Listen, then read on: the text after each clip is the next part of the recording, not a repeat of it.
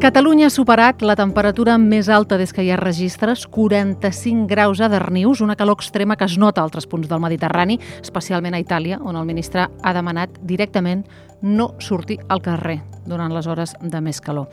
I s'ha batut rècord també a altres punts de l'hemisferi nord. Per exemple, la Xina, el país mai havia registrat una temperatura tan elevada com la que s'ha viscut a Sant Bau, on s'ha arribat, atenció, als 52 graus.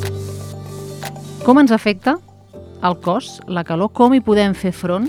És el que intentem respondre avui amb el metge de família i vocal de la Canfic, Jordi Mestres. Jordi Mestres, hola, què tal? Molt bon dia. Bon dia. Com ens afecta, Jordi, la calor al cos?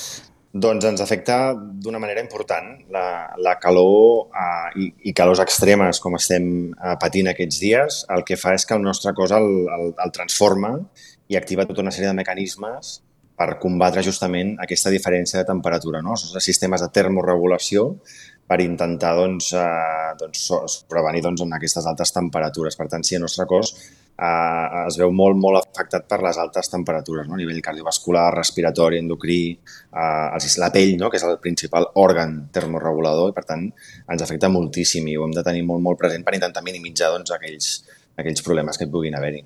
I ens afecta també un nivell... O sigui, més, és normal si et sents més cansat... Sí, um, normalment quan fa calor um, el nostre sistema cardiovascular intenta compensar i moltes vegades el que es produeix és un alentiment. No? Els que tenim animals a casa ho veiem, els animals estan molt més passius, estan molt més quiets buscant el dormir. El problema és que nosaltres com a espècie animal continuem amb la nostra vida i amb la nostra activitat i probablement no és massa normal certa activitat doncs, amb la calor que tenim i el mateix passa amb el fred al, a l'hivern. Uh -huh. Per tant, sí, evidentment, la calor fa que anem molt més lents i segurament hauríem d'estar descansant més i, i tendir doncs, a fer un canvi d'horaris, que, és, que és evident i que ja l'intentem fer, per, per minimitzar doncs, el, els problemes de la, de la calor. Però sí, evidentment, estem més cansats, anem que no, no podem, que no tirem, tenim més pesadesa a les cames, no? tota una sèrie de canvis en el nostre cos que ho patim i ho, i ho vivim. També és veritat que quan anem fent anys, doncs això moltes vegades ho notem molt més, precisament perquè els sistemes de regulació doncs, també van envellint com és normal. I és veritat que mengem menys a l'estiu? Uh, mengem menys, sí, això és, això és cert. També és veritat que el menjar de l'estiu és un menjar de molt més fàcil digestió. No? Si comparem el que mengem a l'hivern amb el que mengem a, a l'estiu, veurem que realment són digestions amb, amb, amb menjars menys calòrics, no? que amb, amb més aigua, més presència d'aigua. No? La fruita d'estiu és una fruita eminentment amb aigua. Per tant, sí, mm -hmm. mengem molt menys perquè també quan, quan fem la digestió estem doncs, generant calor i per tant el cos necessita doncs, no generar aquest excés de calor eh, per, per minimitzar doncs, el, el, el malestar aquest que comporta doncs, que el cos incrementi la, la seva temperatura. No? Per tant, sí, sí, mengem menys. I és, i, per, I és bo que mengem menys? El que hem de menjar és, evidentment, el que necessitem i el que el cos ens demana. No? És a dir, no, no es tracta de que eh, fem restriccions de menjar, sinó que el nostre cos ens ho demana. I el cos és bastant savi i quan necessita menjar ens ho demana i, i mengem. El que sí que hem de prioritzar són aquells aliments que ens ajudin doncs, a, a estar ben hidratats i a tenir l'energia suficient. No, no seria bo alimentar-se només de, de gazpacho, per exemple, no? sinó que hem d'incorporar doncs, proteïna, hidrat de carboni, els greixos saludables, per tant tot això ho hem de mantenir, el que passa que és veritat que mengem una miqueta menys i també és veritat que acostumem a menjar potser de formes més fraccionades, no? les mitges fruites, no? mig matí, uh -huh. mitja tarda, no? fem aquell tall de cinta, aquell tall de meló que ens ve de gust fresquet uh -huh. i, i anem menjant, anem, anem picant i potser el que hem de picar són coses que siguin saludables. O sigui, està clar que eh, fruita, eh, verdura, però si el cos et demana gelat de xocolata, què li diem al cos? Uh, si estem sants, uh, sempre diem el mateix, és dir, tampoc cal que ens, ens martiritzem i no fem gelat. El que no hem de fer és uh, dos o tres gelats al dia i el que no hem d'agafar com a norma és fer gelats diaris. Això és el que no hauríem de fer, hauríem d'intentar fer el gelat com un, un menjar doncs, um, alternatiu, no? allò que en diem, doncs, de, ja, ja no de cap de setmana, perquè evidentment eh, allò dels postres especials de, de setmana fa molts anys que això ja no existeix, no? hi ha mm postres especials cada dia. Però sí que és veritat que el gelat és un bon aliment, el que passa que és un aliment que té, si és un gelat de qualitat, eh? després hi ha els ultraprocessats, que això és una altra història, però un gelat artesà eh, és un bon aliment, el que hem de tenir en compte és que té una càrrega de sucre important i això ho hem de tenir en compte, per tant, no seria un aliment com per fer cada dia, de tant en tant el podem fer. Eh? I què és el que no hem de menjar quan fa molta calor? Doncs el que no hauríem de menjar quan fa molta calor és aquells menjars que ens generaran una digestió molt pesada, no? però també és veritat que no ens ve massa de gust, no? No. Hauríem d'intentar evitar els fregits, eh? per, perquè això genera doncs, uh, digestions doncs, molt més, més, uh, amb molt més treball. Evidentment, un, un bullit de cigrons no ens ve de gust a l'estiu calent, no? Això no, no. no ens ve de gust, ens ve de gust amb allò, esclar, els cigrons amb amanida, no? amb tomàquet, amb, cogombra, amb, amb, amb coses molt més fresques i amb menys volum. Uh -huh. Per tant, tot allò que generi digestions molt, molt, molt pesades és el que hem d'intentar evitar, perquè farà que estiguem molt més pesats, molt més eh, no? fatigats, eh, sensació de, de panxa plena, no? I, i per tant, doncs, això és, és una molèstia al final. I ara pensant en eh, que, que acabem de dinar i estem justament a una piscina o a una platja i tenim, com que tenim calor, tenim ganes de, no, de banyar-nos. Existeixen els talls de digestió o són una llegenda urbana?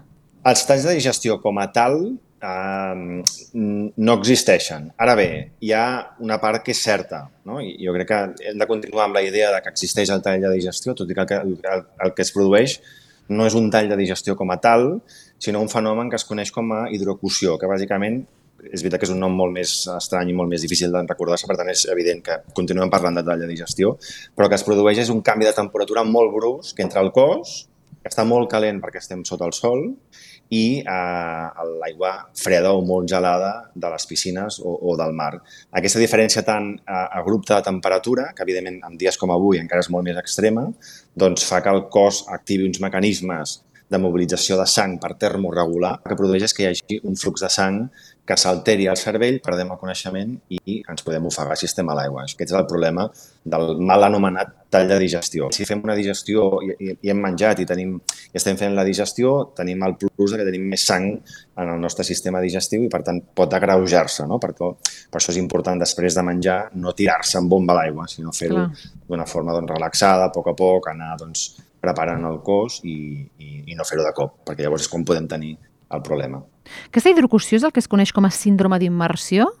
Bueno, és, es produeix quan hi ha una immersió molt brusca. No, però què és el que es coneix? el cos molt calent. No, el que es coneix, volia dir, o sigui, perquè es parla com d'una síndrome d'immersió, que no sé si també és això, és un nom que algú s'ha inventat o, o, o, o tècnicament es bueno, diu així també. No sé si tècnicament són, són equivalents a l'immersió, però la hidrocució es produeix quan hi ha immersió en aigua freda. De fet, és, la definició és immersió en aigua freda. Si hi ha un altre síndrome d'immersió, Uh, jo en aquest cas no, no, no el conec com a tal, però el conec més com a hidrocució, no? Perquè no és només un tema d'immersió en aigua, sinó que hem de tenir el cos molt calent i l'aigua està molt freda, no? I aquesta diferència de temperatura és el que pot eh, generar doncs, aquest, aquest problema, no? Evidentment, si estem a l'aigua, perdem el coneixement, ens podem ofegar. Per tant, és molt important um, no banyar-nos sols, no? Això és una regla d'or que ens hem d'incorporar perquè a part d'aquest problema poden haver-hi d'altres, eh? Vull dir que, i per tant a l'aigua hem de tenir molt de respecte no? i no, no banyar-nos mai sols. I pensant en aigua, però en un entorn més segur, eh, dutxes d'aigua freda, que és una cosa que hi ha moments que sí. ve molt de gust. Això sí que està bé o hem de vigilar també amb les dutxes d'aigua freda? Bueno, no, no està malament fer dutxes amb aigua fresca, no cal que estigui gelada completament, això depèn també de la tolerància de cadascú, i ens pot anar bé, per exemple, fer una dutxa amb aigua fresca abans d'anar a dormir, sobretot amb aquestes nits tòrrides i tropicals, que cada vegada en tenim més, uh mhm. -huh. doncs eh, intentar anar-nos al llit una miqueta fresquet, això pot, pot estar bé, no cal que sigui molta estona, al final el que es tracta és de baixar la temperatura del cos Um, doncs quan tenim febre, no? Això és el que fem també. Quan tenim febre també ens fem aquestes dutxes amb aigua no, no freda, però potser una miqueta amb, per intentar baixar la temperatura del cos no? i dormir una miqueta millor. Per tant, no estan mal indicades. Uh -huh. Ja que som a casa, quedem-nos als domicilis, consells bàsics, o sigui, a, a banda de baixar persianes, que és això que repeteix tothom, no? Eh, baixa persianes, baixa persianes durant el dia, que, que entenc que funciona. Què més podem fer? Bé, la, la qüestió del domicili, el que hem d'intentar és que no, no vagi incrementant i vagi agafant temperatura. I això cadascú ha de conèixer casa seva i saber en quin moment del dia és on li donarà el sol. No, no és la mateixa orientació és que sud, que nord, i per tant el que hem de fer és intentar que no vagi guanyant graus la casa. No tothom es pot eh, permetre el luxe de posar aire condicionat o de fer la instal·lació, per tant això ho hem de tenir molt en compte, però el que sí que ha de tenir molt clar és mesures que ens poden ajudar a que no incrementi. Per exemple, els ventiladors de sostre són molt efectius i molta gent no ho sap, que els ventiladors de sostre tenen eh, modo hivern i modo estiu, que el que fan és que l'espai gira en, en un sentit contrari per mobilitzar l'aire calent o fred cap al sostre o cap al terra, no? I per tant això és una cosa que la gent ho, ho ha de saber, que tenen modo eh, d'hivern o estiu. O, per exemple, no estendre la roba dintre de casa, perquè si posem roba mullada dintre de casa, l'efecte humitat, quan es vagi evaporant ah, clar. aquesta aigua, el que farà és pujarà la humitat dintre de casa i, per tant, la sensació de, de xafogó serà molt més, molt més elevada.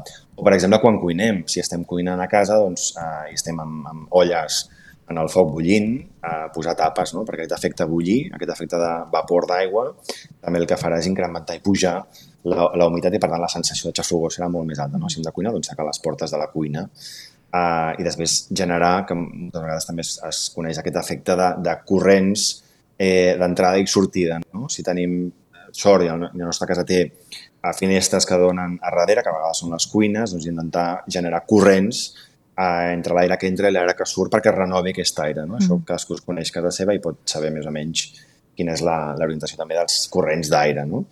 I després mesures, eh, quan anem a dormir, no? moltes vegades el, el, el, a la nit és quan estem molt, molt incòmodes, intentar que el, que el domicili es preservi al màxim la temperatura, inclús encara que estigui tot el dia amb les finestres, amb les cortines eh, i persianes tancades, perquè quan anem a la nit no, no estigui sobrecarregada de temperatura. No? Per tant, això és molt important. I a la nit sí que obres, no?, perquè entri una mica més l'aire. Per ventilar, exacte. Eh, Jordi, algun altre consell? No sé, penso en la nit, a part de dutxar-nos.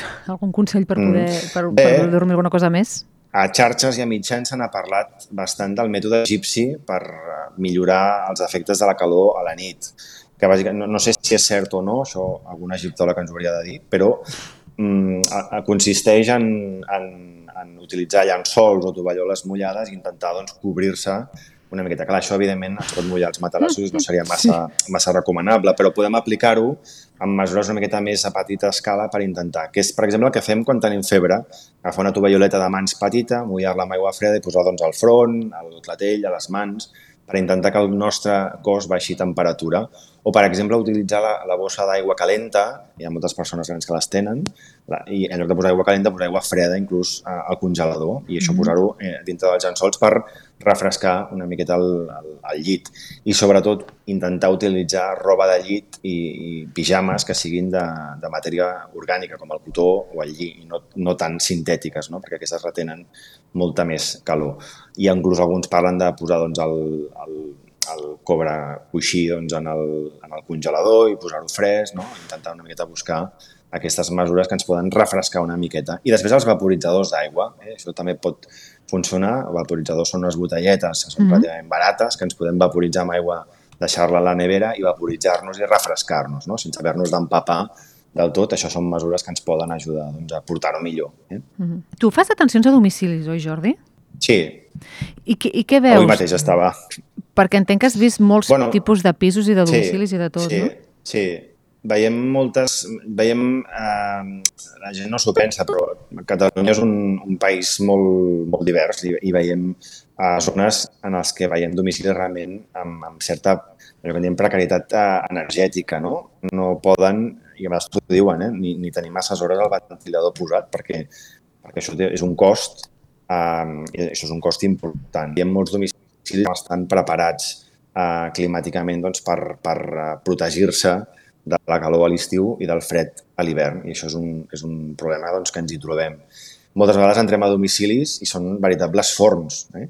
I a vegades hem de fer també aquesta educació sanitària d'explicar, no? A vegades sembla mentida doncs, que que, que has d'explicar doncs, bueno, aquestes mesures que, que, explicava ara, doncs, a dir, intentar minimitzar al, al màxim el que el, el domicili incrementi temperatura, perquè després és molt difícil, no? I si el domicili durant el dia va incorporant calor, a la nit és molt difícil que aquesta calor marxi, calor estarà i per tant és una feina pràcticament d'anar obrint, tancant persianes, cortines i anar, i anar sent conscients d'això.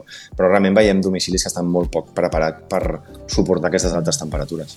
Jordi Mestres, eh, metge de la família vocal de la Canfic, gràcies per haver passat avui per, per l'Ara. A vosaltres, gràcies. Marc Moliner, a la tècnica Alba Homo, a la producció. Jo sóc la Carla Torroixes, avui a l'Ara. Gràcies per ser a l'altra banda.